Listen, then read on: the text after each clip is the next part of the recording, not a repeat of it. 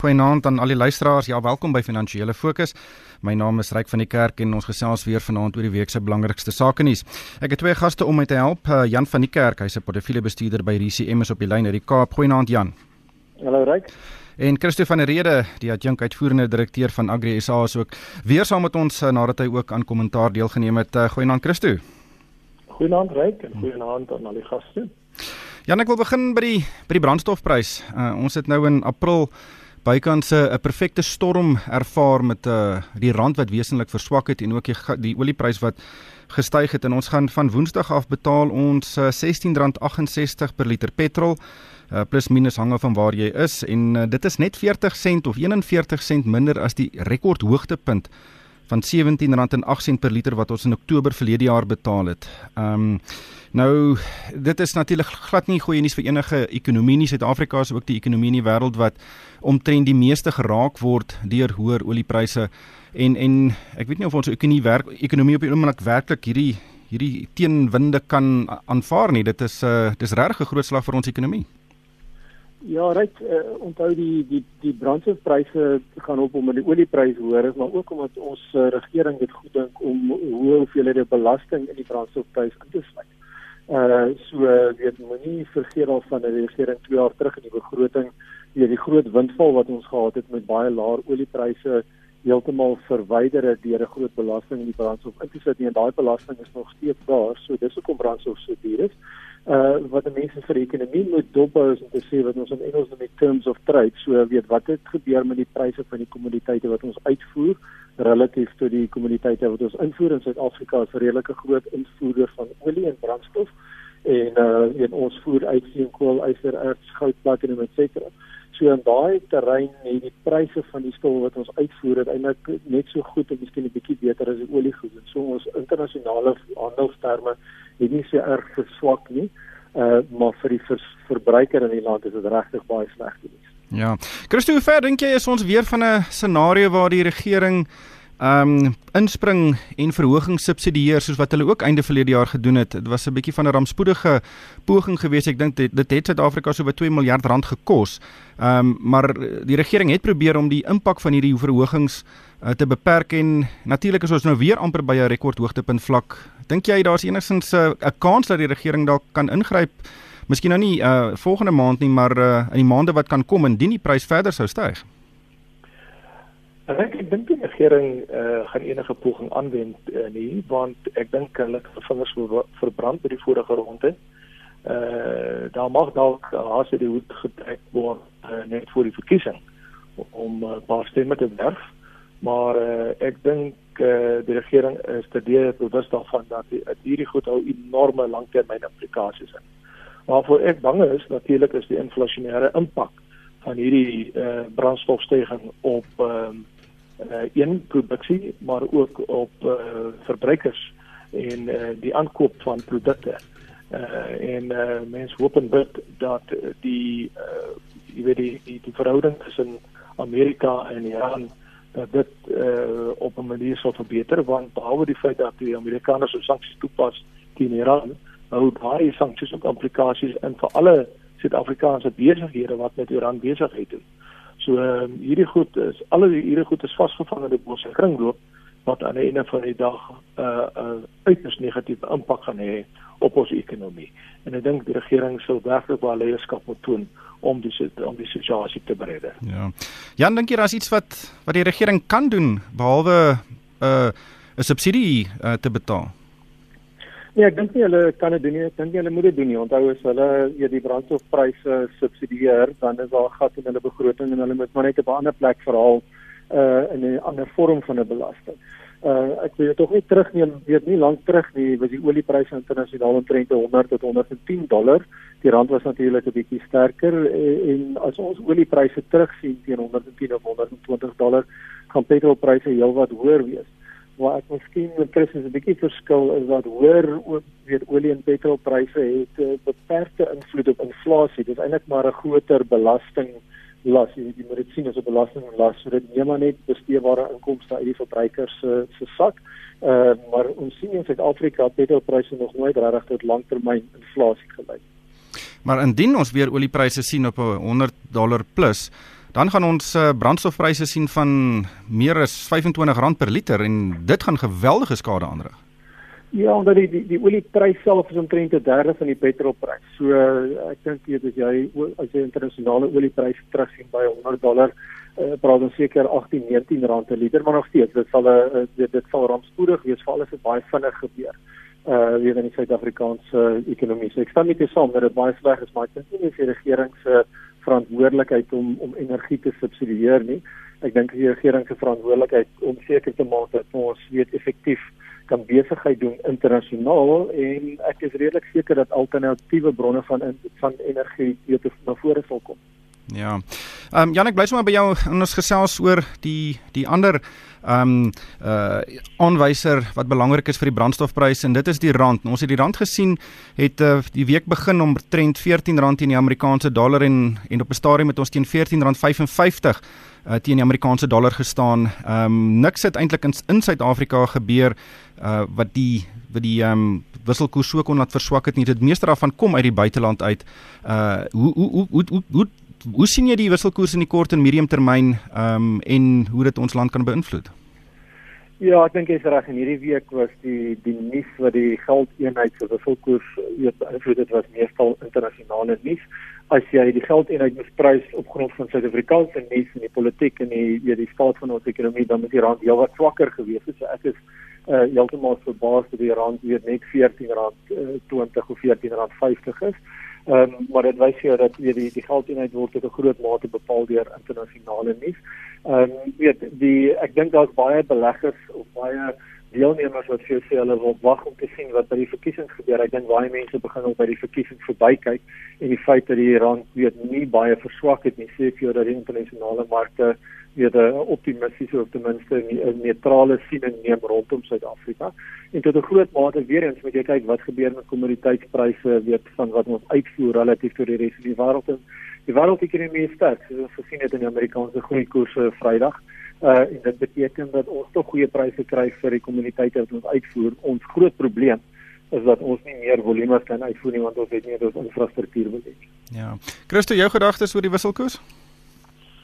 Ek dink dit hou maar verband met ehm uh, die feit dat uh, Amerika op hierdie stadium baie goeie uh, resultate getoon. Dit praat van 'n 3.2% uh, groeikoers uh, uh, aan die ander kant sien ons ook uh, besigheidsinvestering in Amerika is op 2.7%. Uh regeringsspandering uh is ook op met 2.4%. So terwyl die Amerikaanse uh, ekonomie besig is om spoed op te bou, uh uh, gaan ons toenemend mense uh, sien wat uh, jy weet gaan kyk na ander geleenthede en dit het natuurlik 'n impak op geldeenhede in ontlekende markte. Uh aan die ander kant uh jy weet is mense maar bang uh, vir wat 8 Mei gaan oplewer. Uh maar uh, uh ek dink die rand gaan redelik uh, jy weet volatiel wees vir die volgende maand of so tot na die verkiesing. Uh uh, en dan gaan ons baie groot stabiliteit sien. Maar dit hang af van die mandaat wat Cyril Ramaphosa gaan kry. Ja. Ehm um, Jan, kom ons gesels 'n bietjie oor die Amerikaanse ekonomie. Uh die vir Vrydag is daar um, ekonomiese groei syfers bekend gemaak die soos um, Christo gesê die ekonomie het in die eerste kwartaal met 3,2% gegroei.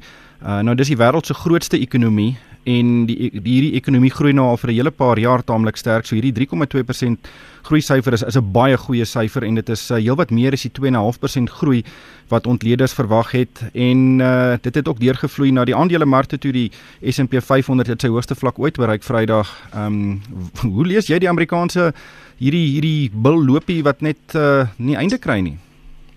Ja, dan ek dink kwartaallikse groei syfers word maar na die tyd bietjie aangepas, maar die algemeen wat ons sien is dat die syfers sterker aangepas word soos wat meer inligting inkom en ek dink die 3.2% of 3.4% afhangende hoe jy dit sien, uh, dit is heelwat sterker as wat meeste mense verwag het.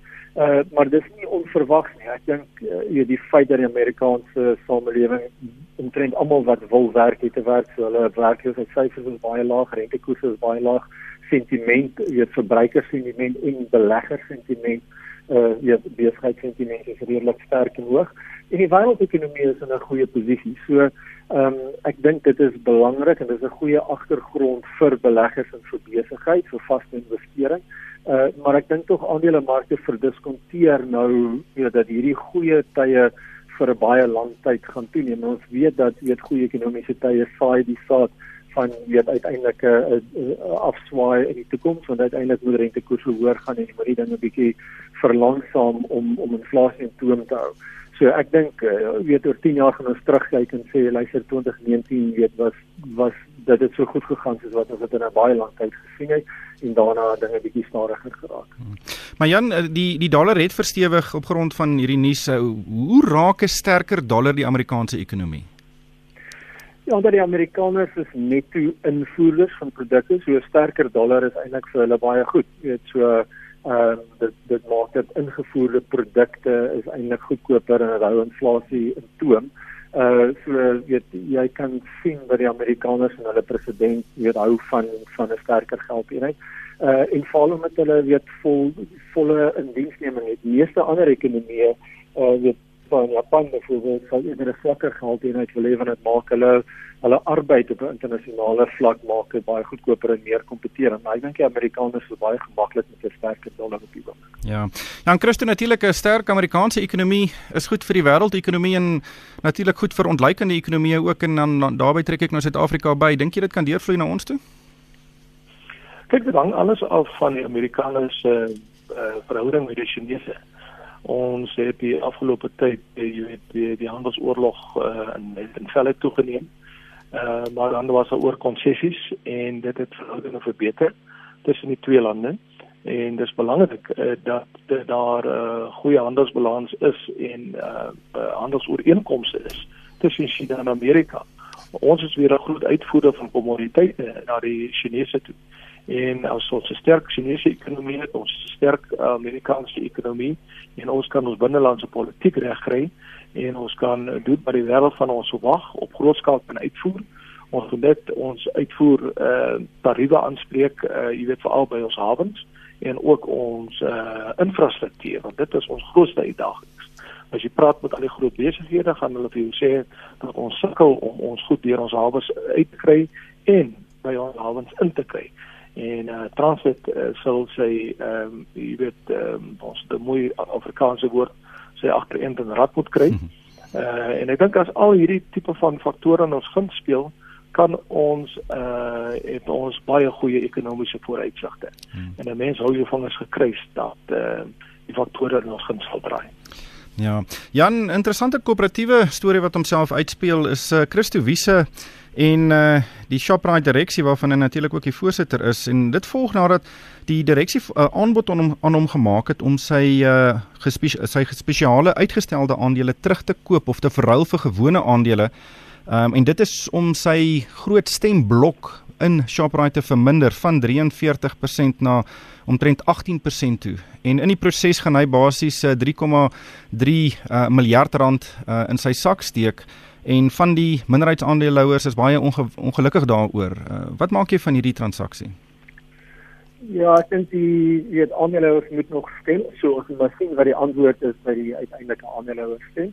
Uh ek dink hulle moet eintlik betaal om die aandele te hou want onder sy leiding die afgelope knoppe jare weet ek Shoprite as 'n besigheid baie goed gedoen. Ek dink mense nie onderskat die waarde wat meneer Waki besonder toegevoeg het nie. Ehm um, persoonlik dink ek 3.5 miljoen rand is, is hopeloos te veel. Uh jy weet beheer oor 'n maatskappy en in sy geval is dit negatiewe beheer, so hy kan groot goed stop. Hy kan dit nie alles deurdruk nie. Jy weet daar is waarde, maar ek is nie heeltemal seker of dit 3.3 miljard rand werd is of jy dan as aandeelhouer word jou ekonomiese belang vir ewig met 3.3% uh weet verwater. Ehm um, so ek sê ek dink nie dis nul werd nie, maar ek is nie heeltemal oortuig dat dit so baie geld werd is nie en ons sien dat aandeelhouers besig is om daar te praat en te mobiliseer en nou sal ons sien of dit weer gestem word uiteindelik. Onthou Dr. Wiese en sy uh, weet verwante besighede mag nie stem nie soos al die ander aandeelhouers het gestem nou. Ja, dit sluit Pepkor in en en natuurlik Shoprite besighede wat hy opgebou het oor baie jare. Ja, nou Pepkor sit onder oh, Pep Holdings, die ou Spar Afrika. Ja, Star ja. Nie deel deel daar nie. Uh hierdie is is, is eintlik hmm. net Shoprite. Ja. Ja.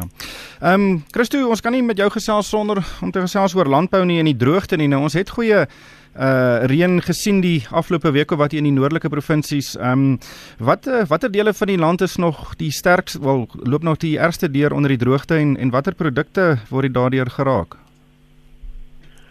Ryk is maar die uh, sentrale Karoo op hierdie oomblik, uh die Sutherland area, Vryburg area, ons het ook dele van Noordwes wat maar gesukkel het die afgelope tyd en die dele in die Wes-Vrystaat en dan groot dele in die Oos-Kaap en dan die noordelike dele van die Weskaap. Uh ja, ons is uiters uiters dankbaar vir die reën.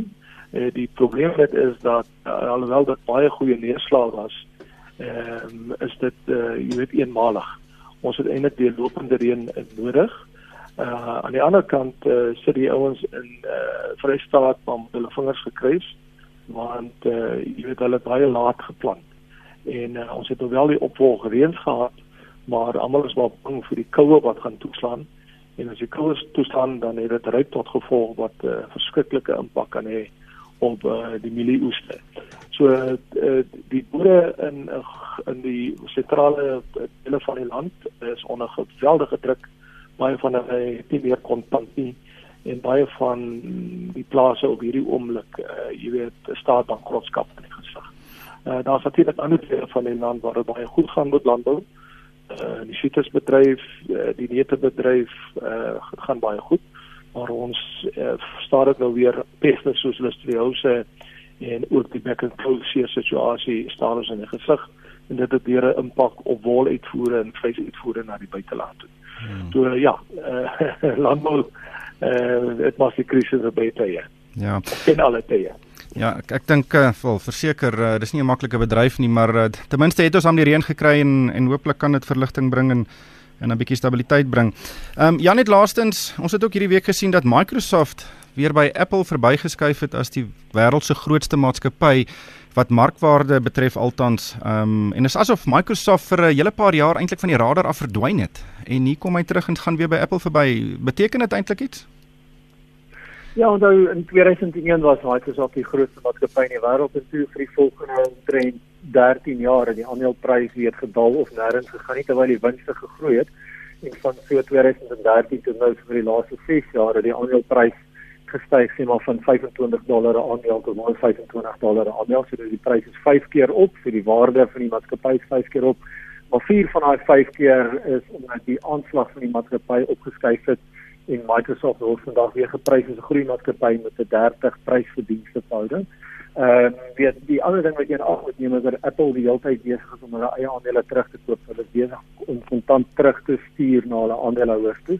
En dis maar een van die ander goed. So ek sien nie te veel daarin weet dat Microsoft die grootste maatskappy is nie. Hulle het baie goed gedoen die afgelope tyd en beleggers dink hulle gaan aanhou goed te doen. Ja, dis net 'n enorme bedrag. Die markwaarde van Microsoft is is omtrent 1 triljoen dollar.